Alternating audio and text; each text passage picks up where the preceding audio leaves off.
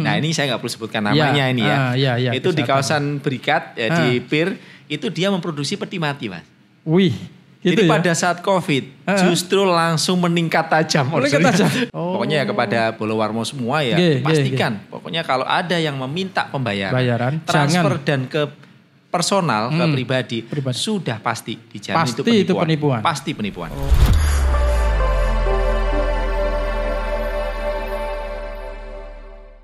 Baik Pak, kita kembali lagi ke podcast kita soal kepabeanan.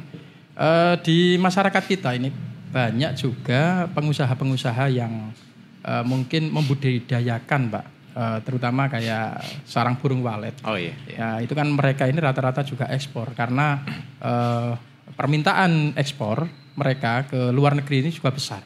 Ya. Di Cina, di Malaysia, di Brunei dan macam-macam. Terutama di wilayah Bangil itu juga hampir eh, banyak sekali pengusaha-pengusaha ekspor yang burung walet itu. Ya, ini ya. eh, kira-kira sampai di mana kira-kira pengawasan bea cukai atau mereka memang tidak masuk ke wilayah bea cukai? Mereka tetap bisa ekspor tapi izinnya mungkin di institusi yang lain. Bisa dijelaskan, Pak? Oke. Baik, Mas Dayat. Jadi terkait dengan sarang burung walet ya, Nggih. ekspor. Itu memang kalau semua ekspor sih ya, semua Ya. ekspor apa pun jenisnya Iya. memang tidak melalui Pasuruan. Oke. Langsung eh, seperti yang saya sampaikan yang eh, kemarin Tadi, itu nggih. itu dia langsung ke pelabuhan ke bea cukai muatnya. Ke muatnya ya. Ya, Mm-mm. eh, apakah dia lewat bandara Ya. atau lewat laut? Nah, langsung ke bea cukai yang mengawasi di eh, laut atau di Mm-mm. udara tadi. Mm-mm. Hanya saja yang ingin kami sampaikan itu Ya. bahwa tetap barang-barang itu menjadi pengawasan kami Oke. dalam ekspor tadi. Hanya saja begini, kalau tadi dicontohkan sarang burung walet, Iya. sarang burung walet itu sebenarnya tidak ada pungutan yang dalam arti namanya biaya biaya keluar ya. Biaya keluar, Kalau yang ekspor biaya itu ekspornya, namanya iya. ya itu biaya keluar istilahnya. Kalau yang impor tadi biaya masuk, Biaya masuk, kalau yang keluar ada biaya eh, biaya keluar. keluar. Nah, Iya. hanya saja yang barang-barang yang kena biaya keluar itu tidak banyak Oh. dan tidak termasuk sarang burung walet.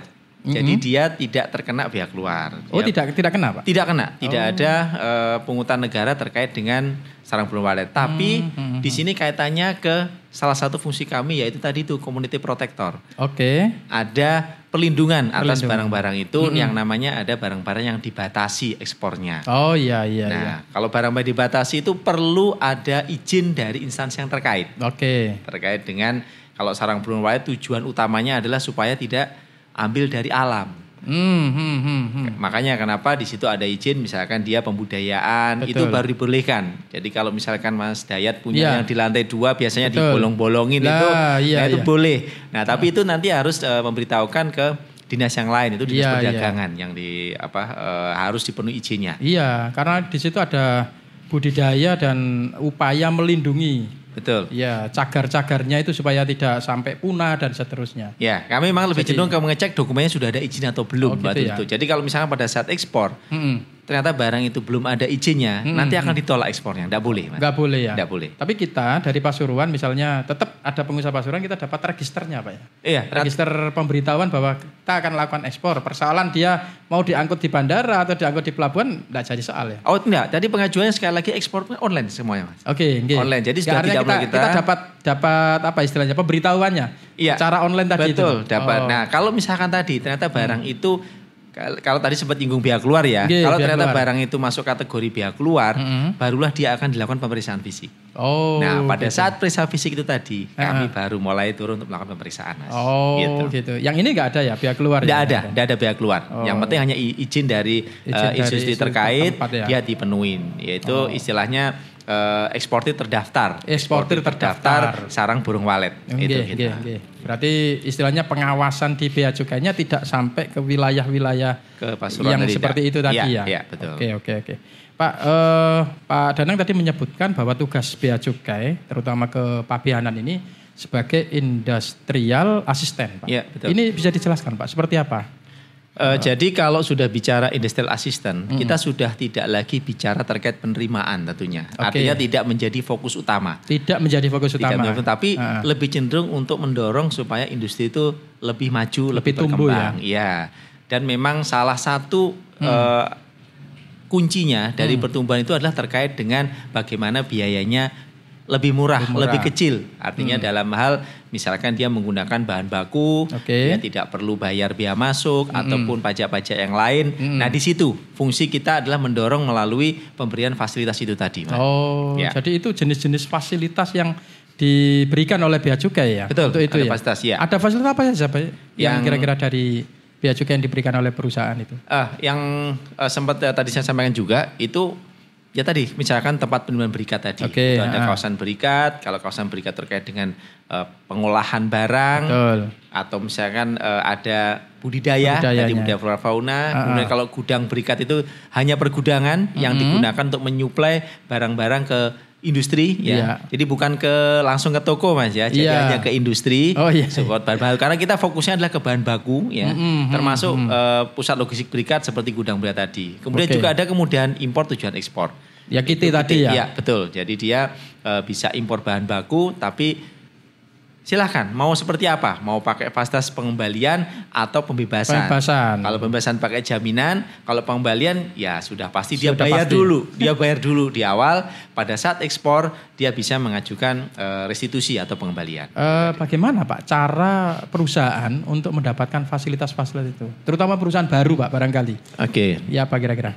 perusahaan baru saya kembalikan ke kondisi perusahaan dulu Oke, Nah, siap. misalkan dari sisi luas karena ada persyaratan-persyaratannya Persyaratan teknisnya jelas Iya ya. betul. Hmm. Kalau misalkan dia ingin misalnya ini bicara industri ya, Oke, industri artinya industri pengolahan ya. Betul. Misalkan dia ada di pir atau di kawasan industri, Iya. tidak ada masalah luas berapapun tidak ada masalah Oh, karena sudah di kawasan industri. Kawasan industri. Betul. Jadi dia misalkan industrinya itu hanya ukurannya cuma dua kali dua meter misalkan dia industri di situ tapi posisinya adalah di kawasan industri tidak ada ada masalah. masalah dia bisa mengajukan izin kawasan berikat Oke. tapi kalau di luar yang istilahnya adalah kawasan budidaya, Budidaya, kawasan budidaya itu maksudnya bukan kawasan industri, Industri, ya. tapi mendapatkan izin oleh pemerintah daerah ras tempat untuk dilakukan aktivitas industri. Nah itu ada syarat minimalnya.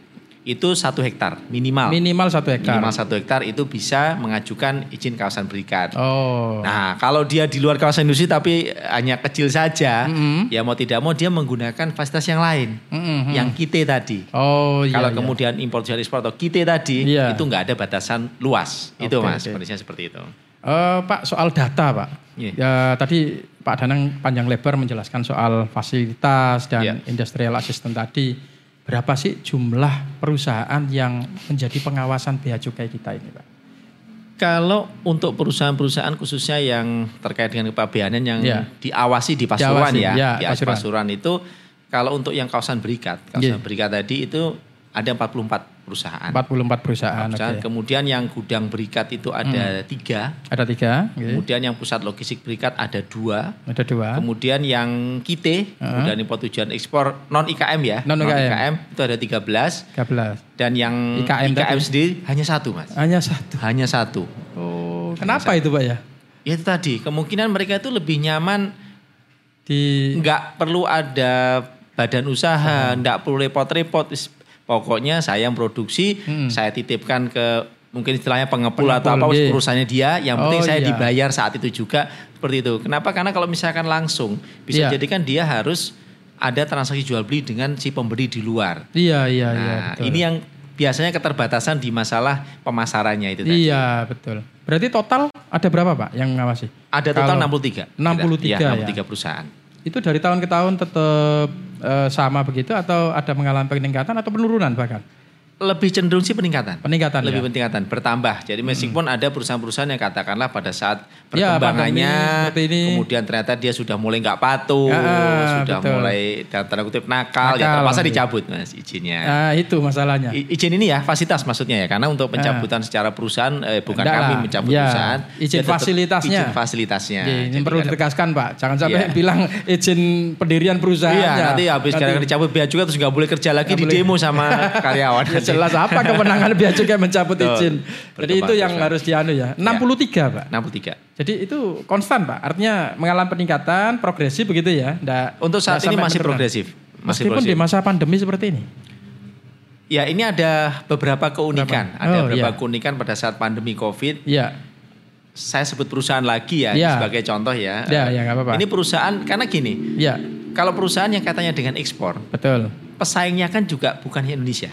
Oh iya, iya. Dia iya. pesaingnya adalah negara-negara lain. Betul. Nah, pada saat ekspor dan dikala pandemi, Iya. ternyata Hmm. perusahaan-perusahaan pesaingnya itu kena lockdown. Ya itu banyak yang gitu. Ada beberapa gitu yang akhirnya justru istilahnya blessing in disguise ya. Blessing in disguise, Jadi ya. pada saat kena lockdown, justru ekspor kita meningkat. Oh, Ada ya? salah satunya apa eh, rekan kita yang di Heeh. Cijedang itu seperti itu. Jadi Malah- saat karena malah- pesaing-pesaingnya itu lagi lockdown, Aduh. dia ekspor langsung meningkat.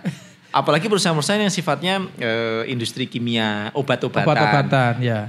Ya mungkin sekedar untuk Hmm. bercanda tapi memang kondisi real Pak ya kondisi Seperti. real itu ada salah satu perusahaan Mm-hmm. nah ini saya nggak perlu sebutkan namanya Ya, ini ya ah, ya, ya, itu di kawasan Berikat ya, di Ah. PIR itu dia memproduksi peti mati Mas Wih, jadi ya. pada saat COVID Ah. justru langsung meningkat tajam Meningkat tajam. tapi ya ini istilahnya Iya, ya iya, iya, bukan kuofadis ya bukan kejam tapi memang itu kenyataan jadi tergantung memang eh, perusahaan itu bergerak di masalah apa ya kalau memang peti mati rata-rata ordernya langsung meningkat tajam Wih, malah begitu ya.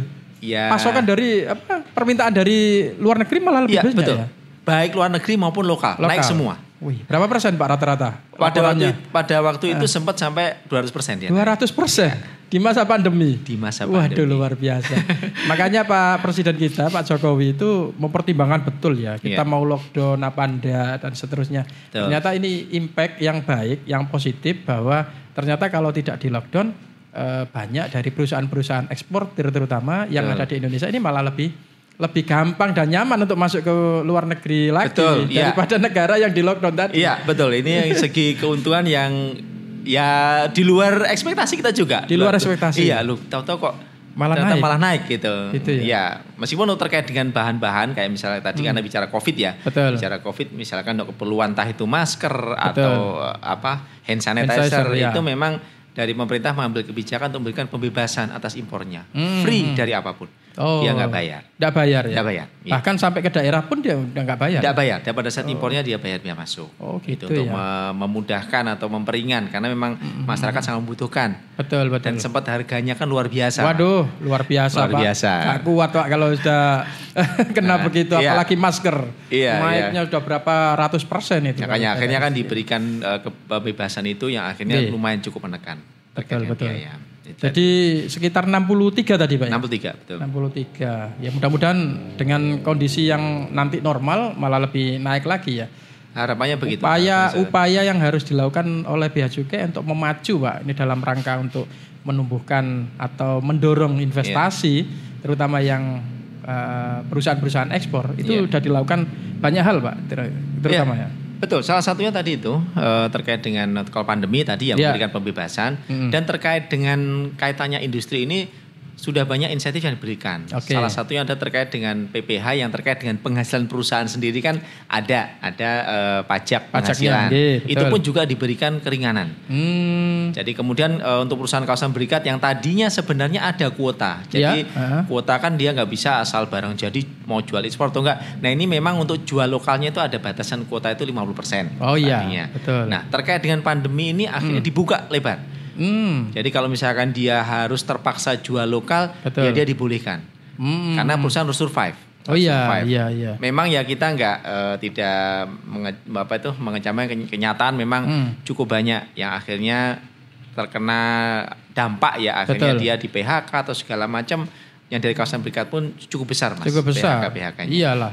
Ya kita tahu sendiri makanya sampai apa buruh dan seterusnya ini mengalami goncangan yang begitu dahsyat kan seperti itu. Iya, Tapi betul. secara infrastruktur di sisi perusahaan malah Bea Cukai melihat pengawasan di tingkat perusahaan-perusahaan eksportir ini malah malah lebih leluasa ya, malah lebih survive ya. Betul, tapi ini memang tidak seluruhnya. Tidak seluruhnya. Memang justru tapi perusahaan-perusahaan yang besar ya yang Oke, mereka besar.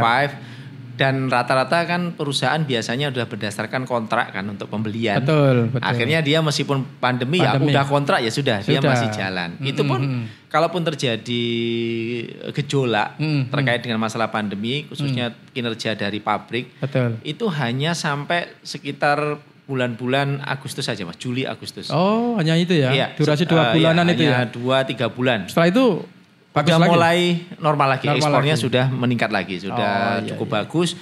Tapi ya kalau kita boleh katakan ya minta tolong untuk teman-teman dari industri, Industri, ya. cobalah karena sudah kondisi normal. Betul. Karyawan pun tadi itu sudahlah mulai lagi Di, anu lagi ya, rekrut lagi Iya, ya. direkrut karena ada beberapa perusahaan yang akhirnya merubah sistem apa, Pola kerja pola ya? kerja yang tadinya Oh. menggunakan tenaga kerja tetap Waduh, padat dirubah. modal ya. Dia akhirnya Kasihan, Pak. Apa namanya itu? Pe- apa namanya? eh, Padat kalau modal itu, misalnya. bukan karyawan yang dia bukan karyawan tetap. Nah, Oh, bukan tetap. iya. Jadi tidak Outsourcing. Outsourcing. Iya, akhirnya iya, outsourcing. iya. Padahal karyawan tetap orangnya sama aja. Sama. Hanya statusnya berubah yang tadinya karyawan Iya, tetap itu. jadi outsourcing. Iya. Mencari barokahnya sebenarnya, Pak ya. Mencari perusahaan, barokahnya. perusahaan itu kan juga tidak hanya untung rugi, tapi Iya. juga barokahnya itu kan juga penting. Betul, seperti itu katanya. Pak kalau bicara data Pak, berapa sih sebenarnya penerimaan dari sektor kepabianan yang ada di Pasuruan ini kalau misalnya kita hitung selama eh, tiga tahun terakhir misalnya 2018, 19, 20 begitu. Kira-kira data kepabianan sampai berapa Ja- Pak? Jadi begini, memang kalau Iya. untuk yang di Pasuruan, kita itu andalannya kan memang dari cukai. Ya dari sisi Pasti, cukai, Pak. itu yang terbesar. Triliunan itu Pak. Nah. Kemarin katanya 51 T targetnya, Betul. sekarang dapat 37 katanya gitu. Ya, Iya. itu memang memang perjuangan. Perjuangan luar makanya biasa kalau itu. untuk pabean, karena kita fokusnya adalah ke fasilitas, itu Fasilitas, target ya. biaya masuknya pun kecil. Mm, mm, mm. Jadi dan dari tahun ke tahun lebih cenderung biaya masuk itu turun targetnya. Oh iya. Karena memang eh, untuk fasilitas biaya masuk kan banyak Mm-mm. pembebasan karena kita lagi masukin kan dunia perdagangan bebas. Oh iya iya iya. Akhirnya yang AFTA ya? Iya betul. Bisa Hmm. AFTA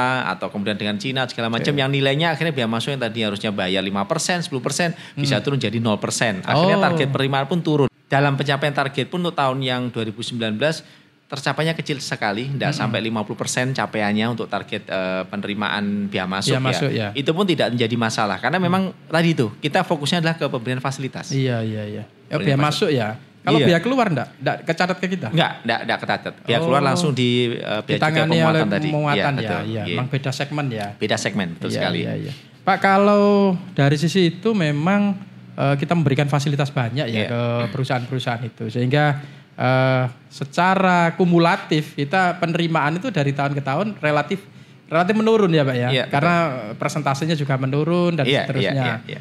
Eh, dan lagian bahwa eh, pembayaran dari sisi perusahaan yang melakukan ekspor itu kan juga bukan bukan ke ke bea cukai itu ke pabean dia kan bisa langsung transaksi ke bank-bank terkait seperti itu. Gimana Pak? Betul sekali, Mas. Karena memang kalau pembayaran lewat lewat saya gitu, Iya, misalnya iya, saya iya. dibayar, mungkin Ah. saya simpen dulu di tabungan saya supaya berbunga. Enak, Pak, Gitu dapat deposito. Iya, deposito gratisan diongkosin oh, Mas lumayan ya. Pak. Waduh, Nah. kena PPATK sampean.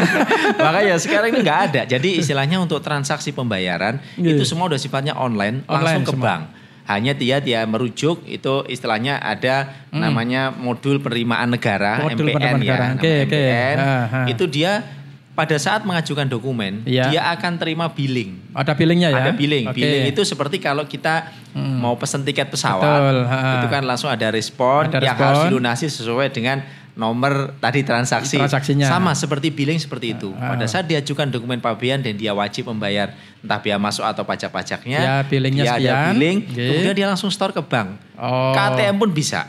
Ke ATM pun bisa. Iya, jadi Biaya cukai nggak tahu apa-apa, ujuk-ujuk sudah muncul di layar monitornya Monitor, kami. ha. Dia statusnya sudah bayar, sudah keluar, Sudah keluar nomor, nomor. penerimaan biaya cukai. Oh, Seperti itu. Jadi hanya bea cukai hanya lihat eh, trafficnya ini aja ya, apa pembayaran dan sudah lunas atau belum, baru nanti dikirim. Betul sekali. berapa. Hanya itu ya. Iya, karena langsung masuk ke rekening kas negara. Kita sudah eh, nggak ada Nggak interaksi ada di situ. interaksi eh, harus melalui bea cukai gitu Iya, ada. ya? harapannya sih boleh lewat saya gitu, tapi ya tadi nanti bisa-bisa eh, saya kena PPATK ada transaksi terima uang besar ya, ya. gitu. Oh, nggak jelas Nggak memang jelas.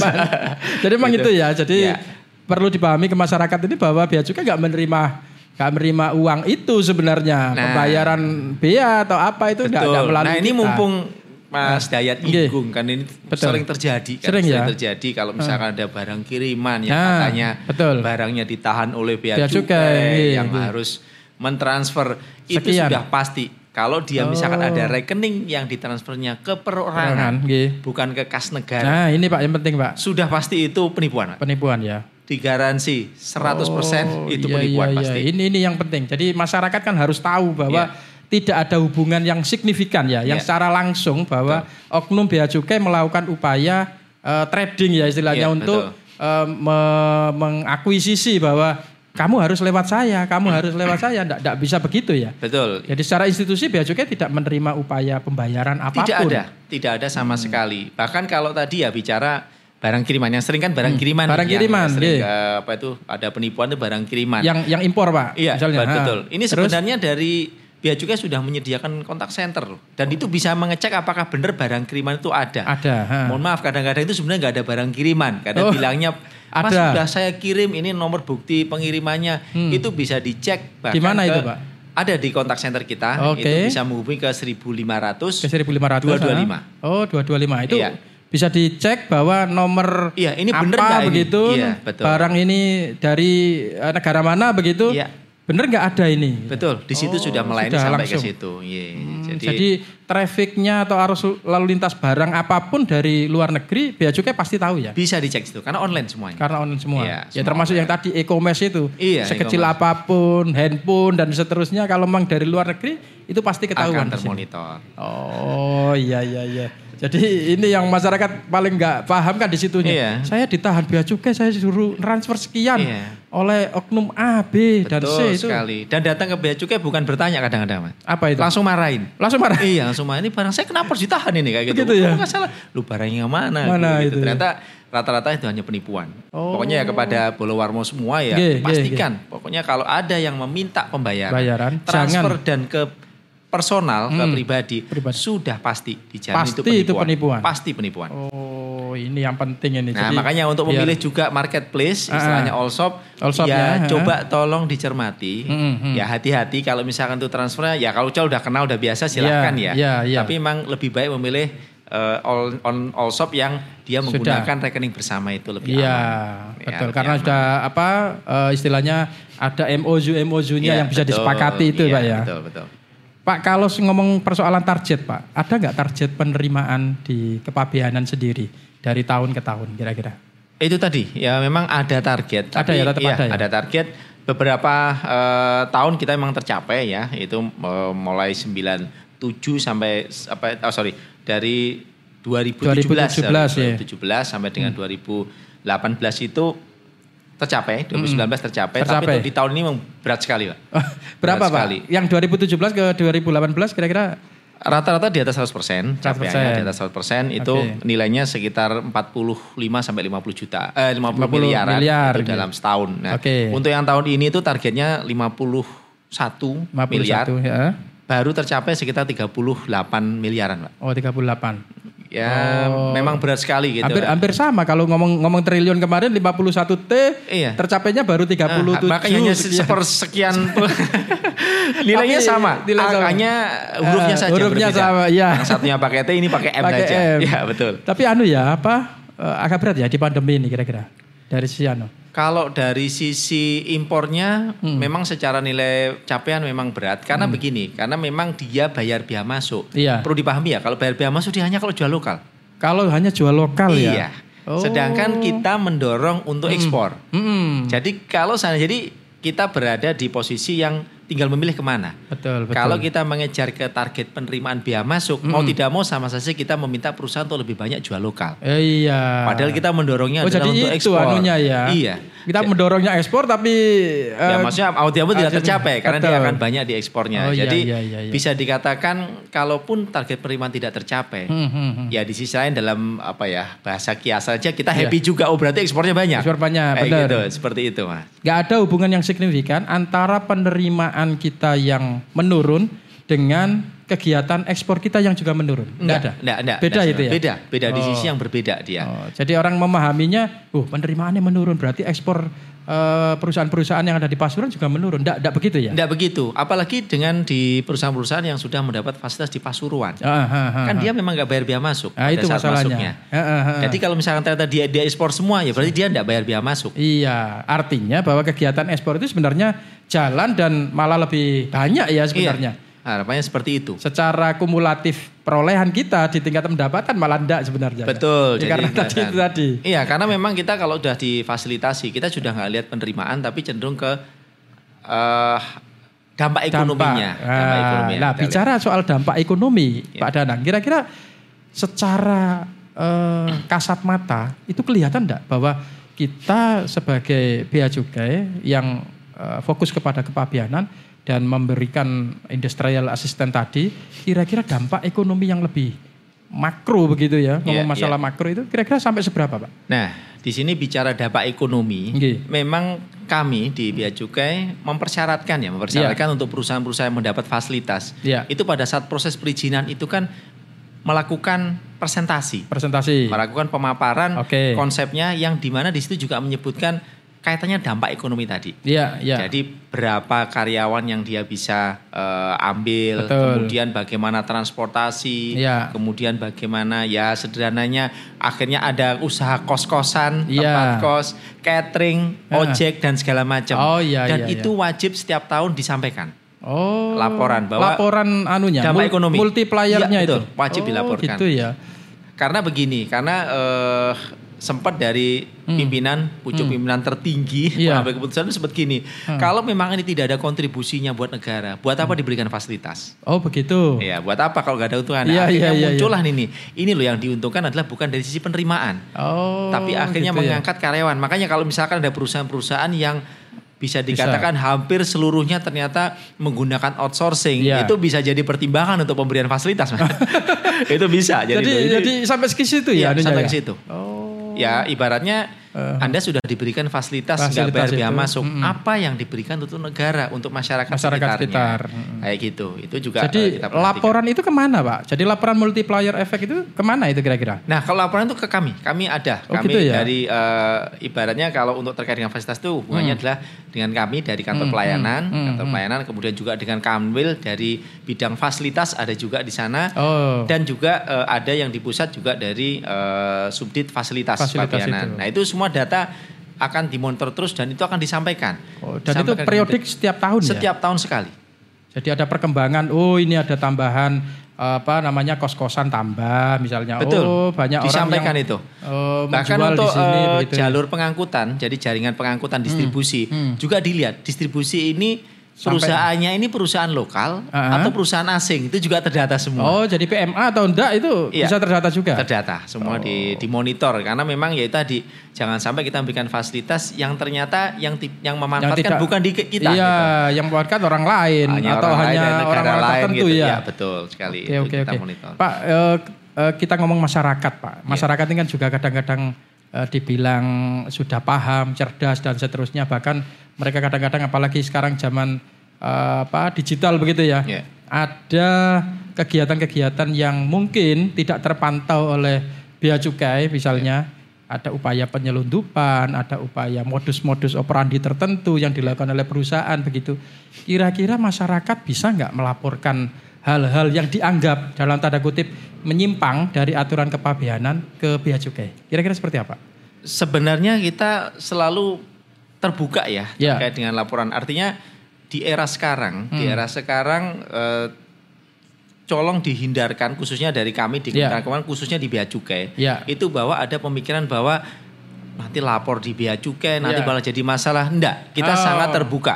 Yeah. Sangat terbuka. Jadi kalau misalkan ada kegiatan apa pun aktivitas yang lo ini kayaknya nggak benar, hmm. sampaikan saja. Sampaikan kalau misalkan mau datang langsung Boleh. di kantor kami pun silahkan uh. itu ada di PIR ya, ya kami di PIR, PIR di ya. kawasan PIR yang tempatnya juga di depan jadi ya. gampang atau misalkan paling mudah adalah call center bea cukai itu saja. Hmm, hmm. Yaitu hubungin ke 15500 225 itu. Oh. Itu apa pun permasalahan bisa disampaikan. Nanti kalaupun ternyata tidak sesuai domainnya di situ, nanti akan diarahkan akan menghubungi siapa untuk hmm. karena ya memang kita sangat konsen terkait dengan hal itu. Iya, iya. Memang kalau di Pasuruan, memang perbedaannya kalau di Pasuruan kan memang tidak tadi ya tidak menangani ekspor impor secara ya, langsung. Secara langsung. Ya. Tapi ya setidaknya kalau misalkan kita kan tidak ada pelabuhan internasional Betul. di Pasuruan. Jadi Betul. kalau ternyata disinyalir, loh ini kok ada kapal dari luar negeri Betul, langsung misalnya. bongkar di situ, uh, uh. sampaikan ke kami, Pak. Berarti Ap itu uh, kalau tidak ada biaya cukainya, hmm. berarti dia melakukan kegiatan bongkar muat ekspor tanpa izin biaya cukai, Pak. Iya, gitu. iya. Kadang-kadang masyarakat kan yang yang mungkin kalau kapal gembleger kelihatan, yeah. Pak ya. Tapi kalau yang kayak misalnya uh, apa traffic e-commerce tadi yeah. yang jumlahnya mungkin uh, secara hitungan tidak terlalu banyak, tapi itu melakukan upaya penyelundupan begitu. Tapi kalau e-commerce uh, semuanya kan pasti akan lewat bea cukai, Mas. Pasti ketahuan ya? Pasti akan oh. ke bea cukai. Yang, yang, yang black, black market itu nggak nggak bisa ketahuan ya? eh, sebenarnya itu rata-rata Hmm. istilahnya dari rembesan atau istilahnya pelabuhan-pelabuhan tikus itu, Mas. Ah, belum betul. iya, istilahnya pelabuhan tikus. Tapi sekarang kalau bicara black market, Eh. terutama kalau black market lebih cenderung kaitannya dengan ponsel ya, Ya, betul ya. ponsel, Nah, di ponsel ya. kita sudah ada eh, kebijakan bersama Betul, baik dengan betul. Telkom maupun Eh. dari perindustrian. Oh, sudah ada ya kan, itu ya? Sudah ada terkait dengan IMEI. Nah, ini sudah IMEI-nya bisa dikunci benar. IMEI. Oh iya iya iya. Nah, iya. kalau IMEI-nya nggak Nggak bisa buka terdaftar, itu ya? dia akan ngunci. Ya, itu sudah bisa diamankan dari situ. Oh iya iya iya jadi. semua sudah bisa diamankan. Memang yang paling sulit adalah kalau impornya impor melalui digital, Mas. Iya itu, repotnya. memang masih kita berpikir bagaimana cara pengawasannya gitu. Iya, iya. Karena belinya dia online, dikirim lewat email, Online. agak susah itu kan, Mas. Dikirim lewat Email aja kan. email. Iya. misalkan program aplikasi kan dia Betul. online. Iya itu. Dapatnya nomor padahal itu sebenarnya Heeh. dia objek kena pungutan apa negara juga. Iya betul. itu itu masalahnya. Gitu. Siap Pak. Jadi sudah kita bahas jelentreh Pak. Siap. Dan lancar sekali Pak Danang untuk menjawab eh, apa banyak hal karena memang eh, kapasitas panjenengan di kepabian ini luar biasa ngelontok ini sudah. Alhamdulillah. Moga-moga kapasitas bukan dianggap sebagai bapak itu sudah tua gitu Pak ya Pak ya. mampu anu Pak, punya kapasitas yang eh, sesuai Pak, bukan Siap. bukan tua Pak. Iya, senior iya. Pak, senior. Senior. Pak, barangkali closing statement Pak dari eh, bincang-bincang kita di podcast ini kepabeanan mulai dari awal istilah sampai kepada teknis Iya. eh, dan bagaimana masyarakat untuk bisa eh, memahami secara Ya. utuh kepabeanan dan bagaimana mereka kalau mendapatkan sesuatu bisa melaporkan ke bea cukai sebagai sebuah institusi yang Ya. menangani soal itu. Closing statementnya Pak. Oke, ya saya pesen untuk Ya. Bolowarmo ya. Ya, Bolowarmo semuanya ya. Ya, Terutama yang eh, mereka berkaitan dengan barang yang entah impor atau ekspor. ekspor ya. Sederhananya pokoknya barang yang dari luar Ya, yang dari masuk luar Indonesia negeri, atau nggih. mau kirim dan Siap. itu misalnya terkendala kaitannya loh ini mesti bayar ini itu. Ya. Tolong tidak perlu ragu-ragu untuk berkomunikasi dengan kami. Ya, Karena memang kami memberikan banyak fasilitas-fasilitas supaya biaya masuk, pungutan segala macam itu bisa lebih ringan. lebih ringan. Dan di sini kita punyai call center yang bisa dimanfaatkan di mana pun masyarakat berada, yaitu bisa di 15525 itu, Ya. Bravo Bea Cukai namanya. Bravo Bea Cukai, Atau ya. bisa melihat di portal Bea Cukai, Mm-mm, ya. mm. Atau ya datang aja tadi ke, Ke- Bea Cukai terdekat. Di sana Ya. banyak teman-teman akan eh, melayani. Itu ada di PIR, untuk PIR. kantor Bea Cukai Pir, kami. banyak mungkin orang nggak tahu Pak. Pir itu apa itu? Kayak dikira pir-pir ini. Iya, PIR Bukan. itu di Pasuruan Industri. eh, Industrial Rembang ya. Ya. Itu posisinya di Rembang, ada kawasan industri. Kawasan industri, Ya, bukan pir-pir yang ini ya, Bukan, pir yang mentul-mentul itu, Mentul-mentul. bukan. Pasuruan apa? Iya. Industrial Estate Rembang. Ya, Nah, ada dan di kawasan Rembang lah Betul, istilahnya. yang di paling depan kita kan nomor satu. Nomor satu ya. Iya, Rembang Industri Raya di nomor satu. Di sana silahkan kami akan berikan pelayanan dan yang terpenting kata kuncinya tidak ada pungutan apa pun terkait di sana. Tidak ada pungutan Tidak ada apa pun. pungutan nah, ini apa pun. yang perlu Jadi digaris bawahi. khawatir. Betul. Garis bawahi itu nggak Ya. ada pungutan apa pun. Tidak ada pungutan apa pun. Itu harus dipastikan. Dan ruang konsultasinya juga tetap ada ya. Oh ada, ada. Dan Jadi- insya Allah nyaman, Nyaman. nyaman dan ya ada di kalau pengen ngopi sambil ngopi di sana ada kopi gratis. Ada Di kopi sana gratis. Baca koran gratis Asik, silahkan. Nyaman-nyaman saja. Meskipun di sana juga belum tahu manuanya apa, ingin lihat biaya juga di mana, monggo silahkan datang Oh, ke gitu. kantor kami aja. Terbuka ya. Terbuka. Jadi nggak ada istilahnya mereka takut atau nanti khawatir kena mahal dan seterusnya nggak ada itu ya. Tidak ada, tidak ada. Jadi Nggak ada. semuanya- saya memberikan jaminan, kami memberikan jaminan terhadap hal itu. Siap Ya. Pak Danang. Baik eh, Bolowarmo semuanya di mana pun anda berada kita sudah bincang-bincang santai. Ya meskipun serius materinya juga berat juga sebenarnya. Tapi ini persoalan ekspor dan impor saya kira perlu diketahui oleh banyak orang dan ternyata fasilitas-fasilitas yang diberikan oleh Bea Cukai terhadap perusahaan-perusahaan melalui fasilitas industrial assistant yang dilakukan oleh Bea Cukai ini saya kira sudah bisa eh, menjelentrehkan semuanya, bisa mengkelirkan semuanya dari Pak Danang Seno Bintoro saya kira sudah banyak mengupas tentang hal-hal yang berhubungan dengan eh, bea baik bea masuk maupun bea keluar. Saya kira podcast kita hari ini kita akhiri dan kita akan bertemu dalam podcast dalam isu-isu eh, yang makin hangat, makin terpercaya, makin disukai masyarakat. Saya Muhammad Hidayat eh, dari Warta Bromo TV eh, menyiarkan eh, siaran ini dan eh, kita tetap harus kompak, harus tetap menjaga kesehatan. Sehat itu penting, sehat itu bermakna.